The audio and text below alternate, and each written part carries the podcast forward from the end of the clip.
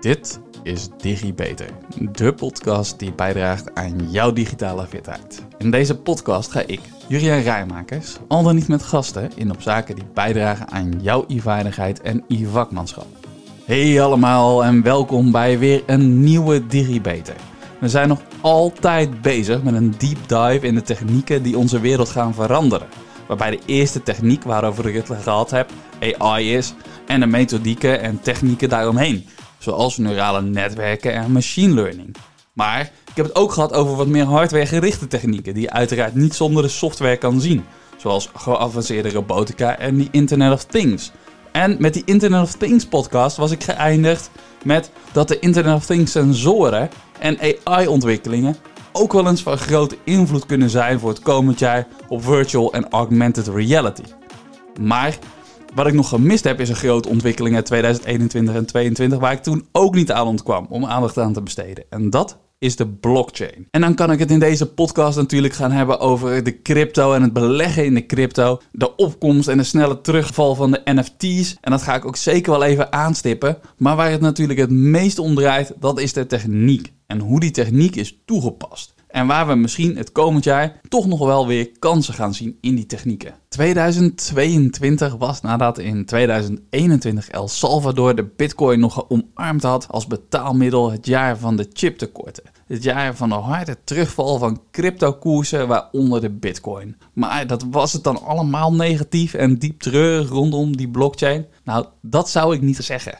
De ontwikkelingen rondom Lightning bijvoorbeeld maken de inzet van de blockchain voor betaaldoeleinden veel efficiënter en veel doelmatiger. Dus er is een hele hoop winst geboekt daar. Je moet je voorstellen dat bij de ontwikkelingen van nieuwe technieken er altijd heel erg veel energie ingaat.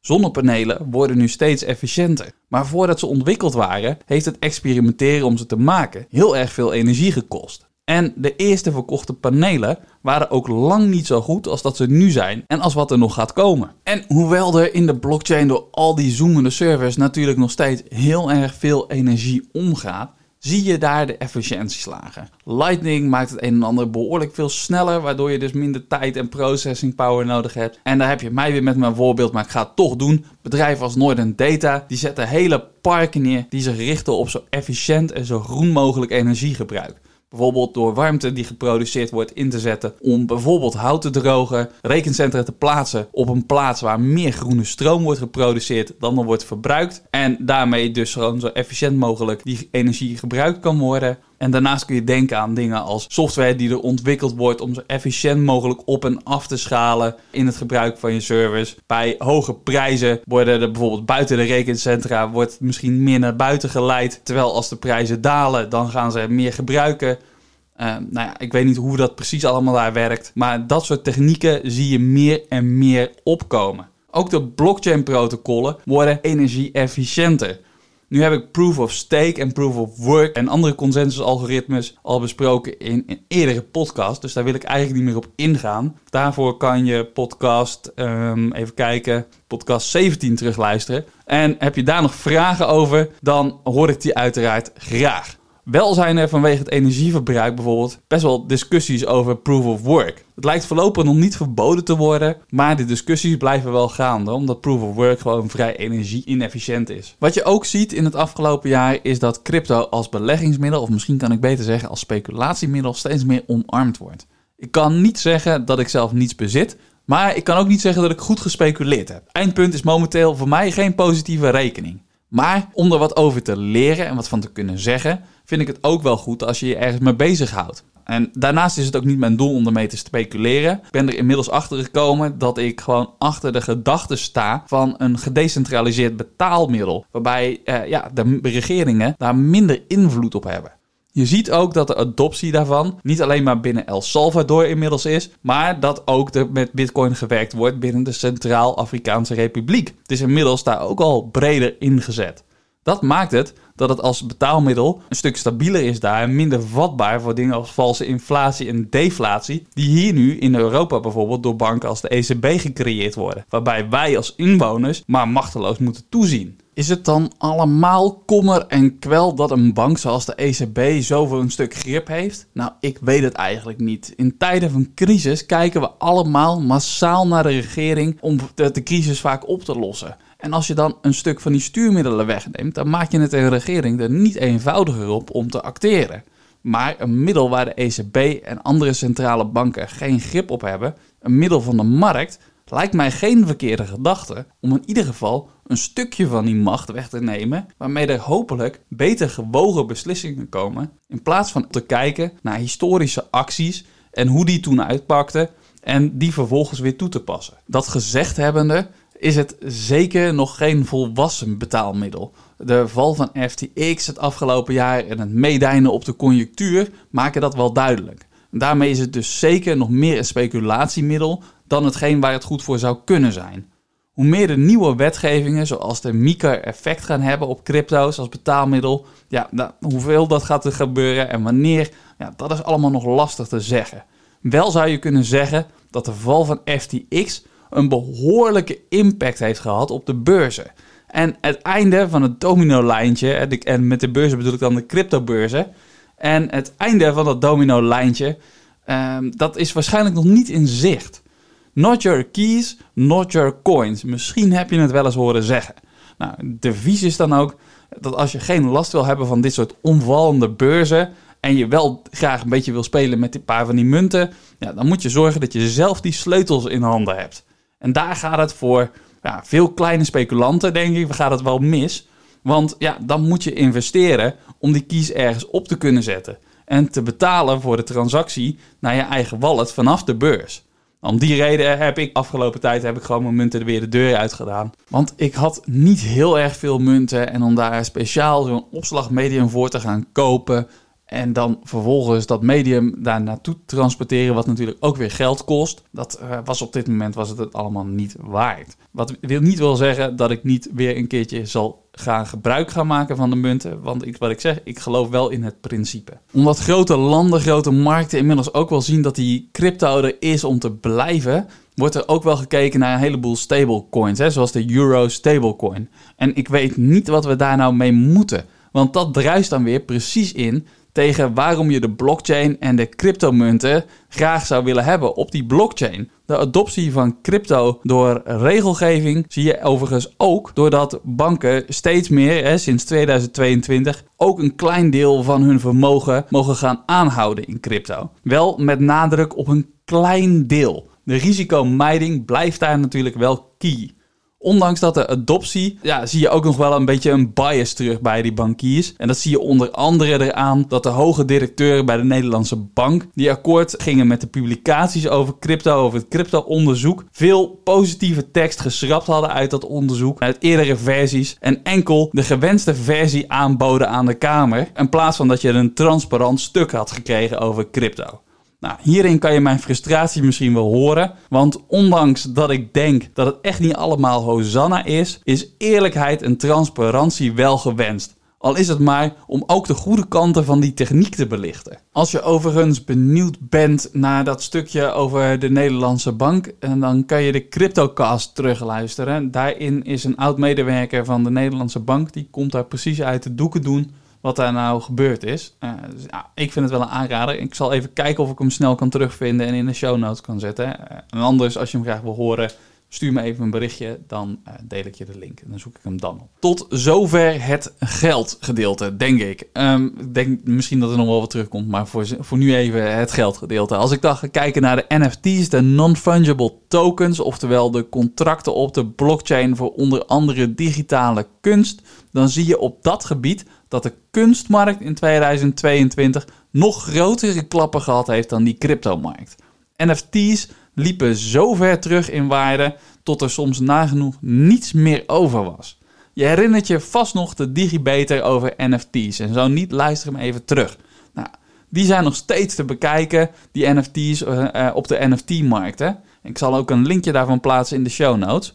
Maar ze waren onder andere gemaakt om met de technieken te experimenteren, maar ook als bijvoorbeeld een actie voor Oekraïne om geld op te halen. Helaas, ik heb ze daar financieel nooit meer voor kunnen inzetten, maar het bleef een leuk experiment. En hoewel NFT's dus op dit moment geen pepernoot meer waard zijn, is het toch leuk. Kunst inclusief die contractafspraken op die blockchain. Ik raad het je aan om als experiment te gebruiken. Om het eens een keertje mee te gaan testen. Om er een keer mee te gaan spelen. Al is het maar omdat je op die manier in aanraking komt met een paar van de mogelijkheden die je vast kan leggen in zo'n smart contract. Meta ging in 2022 aan de slag met het testen van NFT's. Spotify laat NFT's promoten. Tickets voor concerten worden op dit moment gerealiseerd op de blockchain om te zorgen voor uniciteit. Je ziet ook fantastische loyaliteitsprogramma's ontstaan, waar ik het in de eerdere podcast ook al over had. En hele nieuwe manieren van marketing. De duo en zelfs op EU-niveau die experimenteren met het realiseren van NFT's voor bijvoorbeeld diploma's van onderwijsinstellingen, zodat je fraude tegen kan gaan vanuit een soulbound token techniek. Je kan een diploma tenslotte niet overdragen. Soulbound tokens zijn dus niet overdraagbare tokens die verbintenissen, referenties, voorkeuren kunnen vertegenwoordigen. Nou, en dat is weer interessant voor bijvoorbeeld de metaverse, de Web 3.0 ontwikkelingen, omdat je hiermee deel kan uitmaken van sociale relaties. Maar ondanks dat de NFT's en de cryptowereld dus nu wat aan het inzakken zijn door die dwalende handelsvolumes, hoeft dat niet te betekenen dat het een mislukking is.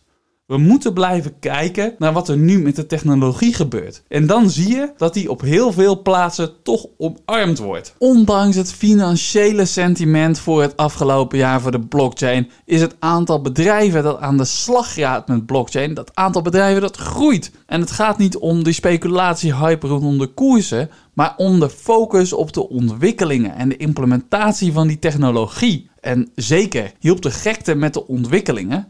Maar het verlegt ook sommige vraagstukken. Ik heb er alles voor gewaarschuwd volgens mij. Maar dan nu nog maar een keer. Het gaat niet om de technologie en dan het probleem erbij te zoeken, maar het denken vanuit het knelpunt. En dan te kijken naar welke techniek kan je nou helpen dat knelpunt op te lossen. Je moet niet denken, oh, ChatGPT. Dat is een mooie, fantastische technologie. Hoe ga ik die inzetten? Maar te denken aan, ja, wat is nu het probleem? En welke techniek zou hier nou het beste bij gaan passen om me daarmee te helpen met het oplossen? Misschien kom je met een low-code, no-code oplossing wel al een heel eind. Maar goed, het ging over de blockchain dit keer. En als ik kijk naar die hypecycle van Gartner, dan zie je dat diverse elementen uit de blockchain-technologie zeker al door de fase heen zijn van Through of Delusionment. En ze zitten in het deel van de Slope of Enlightenment. Je ziet dat in deze fase dat er ook op de blockchain gebaseerde spellen komen. Wat bijvoorbeeld perfect weer kan gaan aansluiten bij de metaverse. In-game verkopen die groeien.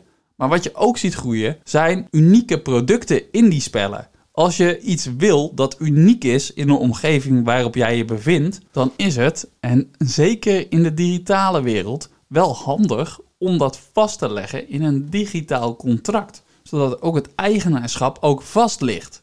Maar je ziet ook direct dat hiermee de grote hacks dat die langzaam toe aan het nemen zijn. En met de toename van de blockchain games zie je ook de toename van spellen waar je het door het spelen geld kan verdienen met geld richting een wallet. Zo heeft Axie Infinity spelers die in het spel meer verdienen dan in het echte leven buiten die digitale wereld. Dat geld in die wallet ligt dan weer vast op de blockchain. Ja, en ja, geld, ja, dat nodigt natuurlijk wel weer uit voor dieven om ook weer daar hacks op toe te passen, om dat te stelen. Ik stipte net al kort even de blockchain ontwikkelingen in de EU aan. Nou ja, in de EU, daar had ik het destijds ook al een keertje over, ook de blockchain gerelateerde ontwikkelingen daar. Er zijn bijvoorbeeld ontwikkelingen rondom de self-sovereign identity. Die inspanningen die waren al geïntensiveerd en ik verwacht dat die het komend jaar ook flink zullen doorstomen.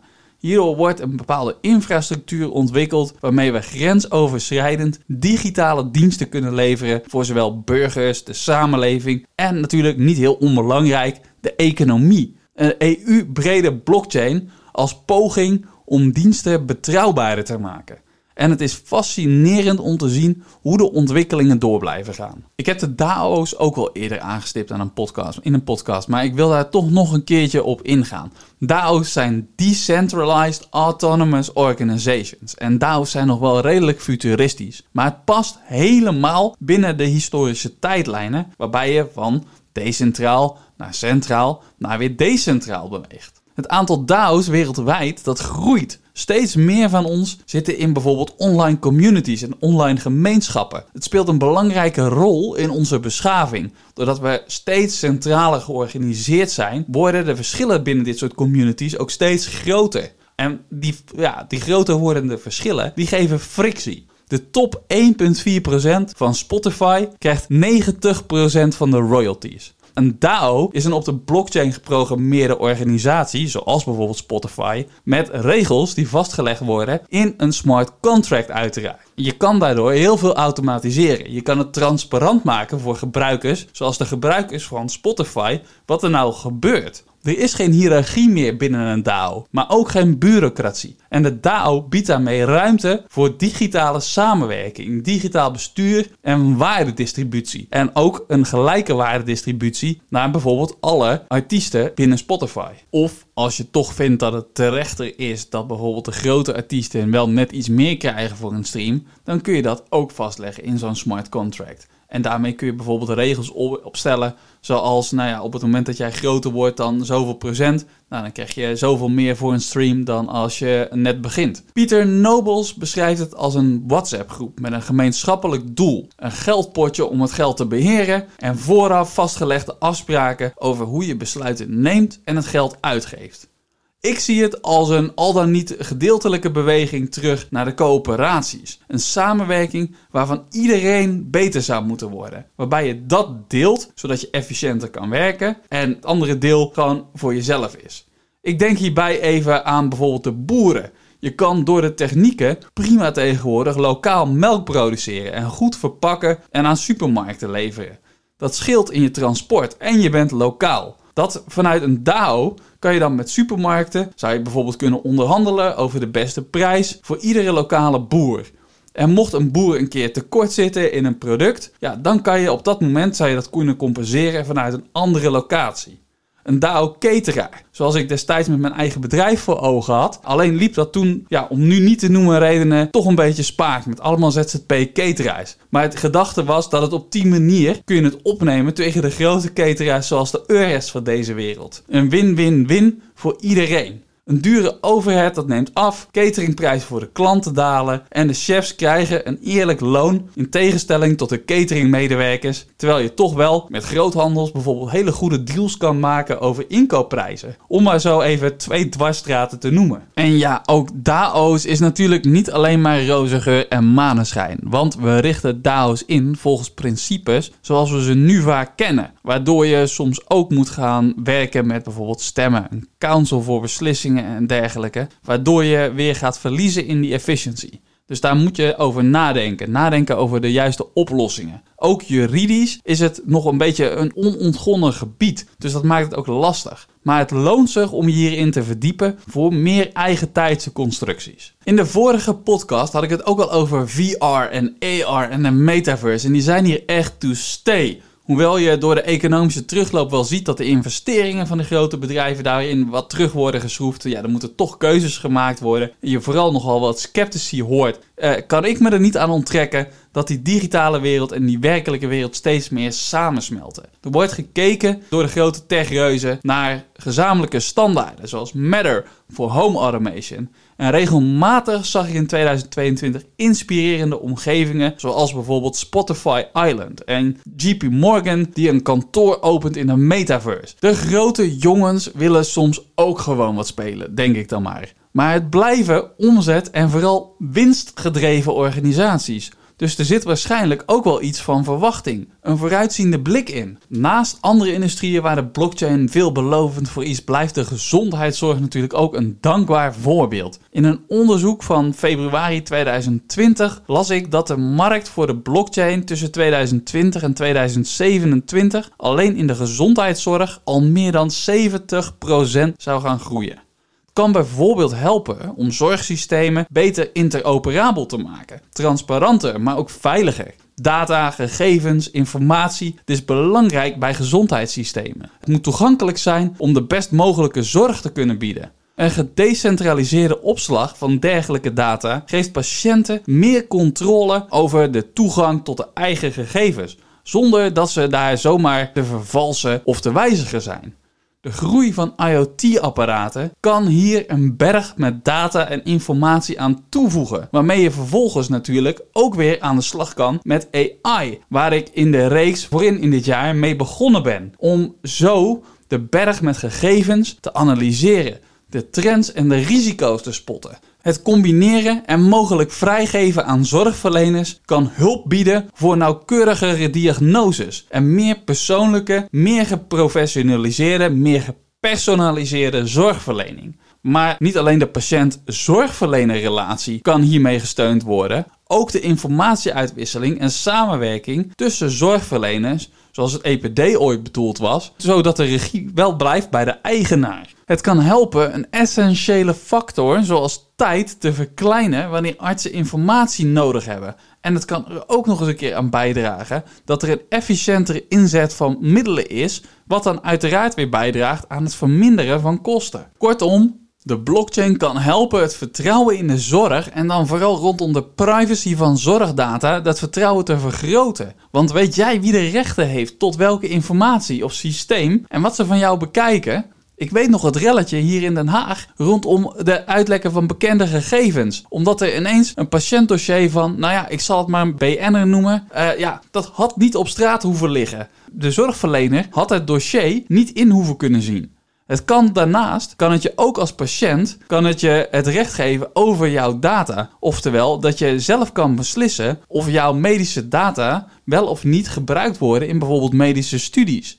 En dat dwingt dan weer om patiënten beter te informeren over wat er nou met gegevens gedaan wordt. Hoe ermee omgegaan wordt. En misschien geeft het je wel het recht om bijvoorbeeld de uitkomsten van het onderzoek of een betaling voor het gebruik van die data te ontvangen. Het kan er ook aan bijdragen dat je als patiënt in jouw wallet meer digitale gegevens krijgt dan je ooit had. Als je bijvoorbeeld aan de hartmonitor ligt, kan dergelijke data aan jouw profiel blijven zitten. Als de machine tenminste opslaat. Maar dat kan ook gecombineerd worden met bijvoorbeeld hartdata van je slimme apparaat wat je aan je arm hebt zitten, je horloge. Op die manier zijn betere patiëntgerichte analyses te maken over het hele leven heen. En heb je bijvoorbeeld ook data die vanuit standaardprocedures zoals een bloeddrukcheck even gedaan kunnen worden. Dat komt dan allemaal in je gezondheidswallet. Ik heb het ook al eens gehad over lifecycle management in podcast 31 en 32. Op de blockchain vastgelegde data kunnen transparantie bieden over de levenscyclus van bijvoorbeeld apparatuur.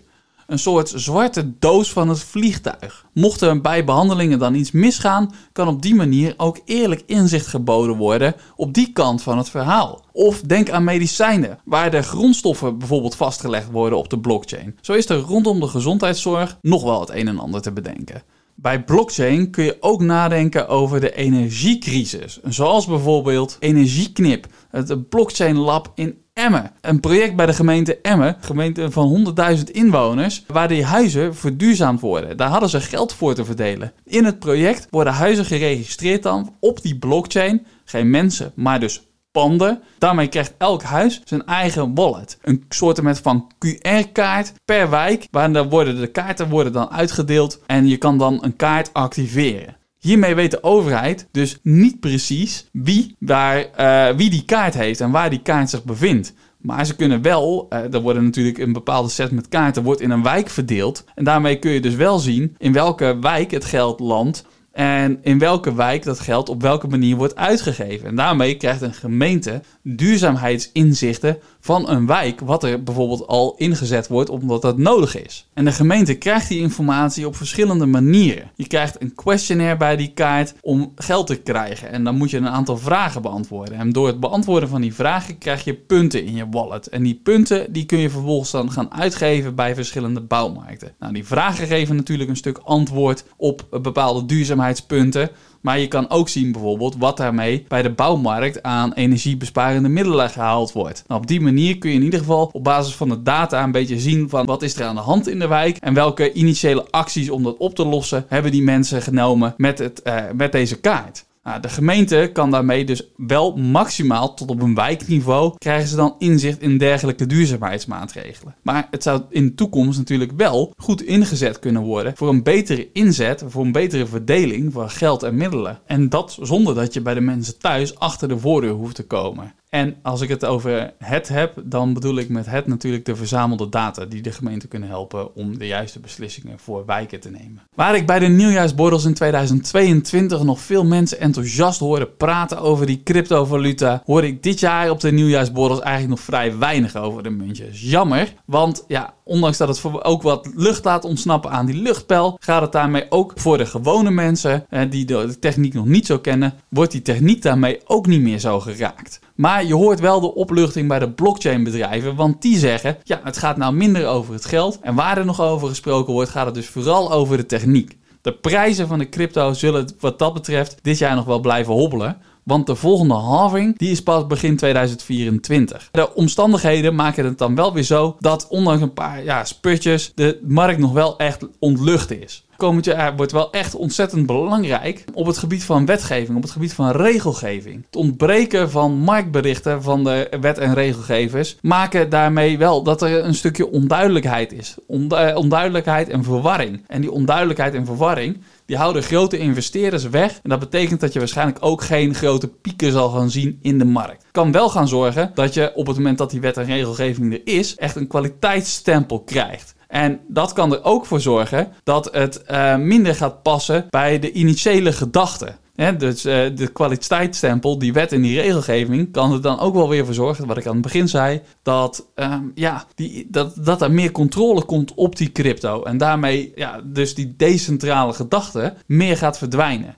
Ook zie je dat landen als China het bijvoorbeeld al verboden hebben. Uh, de MiCAR, die in 2024 voor kracht heeft daarmee wel een brede invloed die we komend jaar waarschijnlijk zullen gaan merken. En ook verder zie je dat die blockchain echt wel zijn invloed zal gaan hebben. Maar waar de crypto zich als een bear market gedraagt, is de blockchain markt volgens mij dit jaar als een boel vooruit aan het stoten. Als ik luister naar de CryptoCast, en dat doe ik wel vaker als vaste luisteraar, nou, dan hoor ik wel vaker ook die bear markets are for building. En dat is ook precies wat ik zie gebeuren. Het systeem wordt minder zwaar belast en er is dus tijd om aan het framework te werken, om het standvastig te maken, om het houdbaar te maken voor de lange termijn. We gaan ontwikkelingen die op de blockchain-markt onder andere spelen bij Interpol samen met Lightyear zien die een autoverzekering willen ontwikkelen op basis van die blockchain-technologie. Althans, dat melden ze in oktober 2022.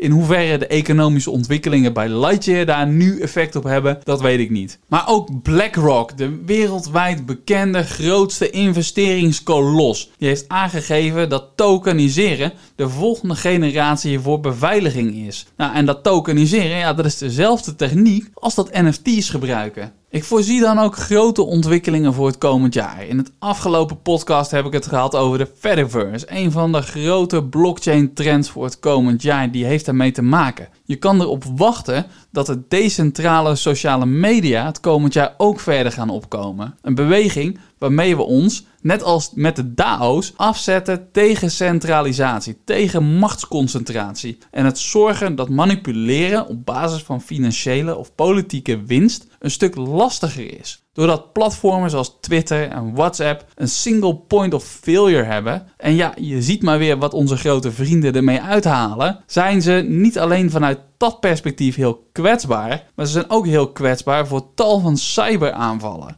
En zie maar weer wat er gebeurt als WhatsApp eruit ligt. Iedereen buitelt over elkaar heen. Sommigen spreken er schande van, terwijl het toch een ja, schijnbaar gratis dienst is. De roep daarom om gedecentraliseerde media zal waarschijnlijk langzaam maar gestaag gaan groeien. En hou dat Fediverse, en bijvoorbeeld Mastodon, in je achterhoofd. Maar ook bijvoorbeeld Minds, een soort zusje voor Facebook dat decentraal is en opkomend. En oud-Twitter-baas Jack Dorsey kwam in de tech-update al een keertje voorbij met zijn project Blue Sky. Nou, dat gaat komend jaar live en ik ben heel erg benieuwd wat daarvan gaat komen. En ja, zo zijn er nog veel meer versnellingen te zien die ik ook nog wel had bedacht. Maar de tijd is op. En welke technieken en veranderingen zie jij voor het komend jaar? Heb je tips, tricks? Laat het me weten. Dit was het vooruit en het terugblikken. Voor nu in ieder geval. Voor nu, dank voor het luisteren. Tot de volgende keer. Tot de volgende DigiBeter. Vond je dit nu een leuke uitzending en wil je meer weten? Abonneer je dan op de podcast door op volgen te klikken. Het duimpje omhoog en geef een beoordeling van bijvoorbeeld 5 sterren zodat nog meer mensen deze podcast kunnen vinden. Wil je je collega's, vrienden, familie, zoals je opa of oma, net zoveel plezier doen en ze digitaal fitter krijgen? Deel dan de podcast. En zo worden we samen allemaal digitaal. Heb je een vraag over wat er verteld is in de podcast? Een bepaald onderwerp dat je graag terug zou willen horen? Of wil je gewoon laten weten dat je erg van de podcast genoten hebt? Je kan mij feedback geven en vragen stellen via LinkedIn. Zoek dan even naar Juriaan Rijmakers. Hoe dan ook, na deze podcast ben je weer een beetje digifitter. Tot de volgende keer, tot de volgende DigiBeter.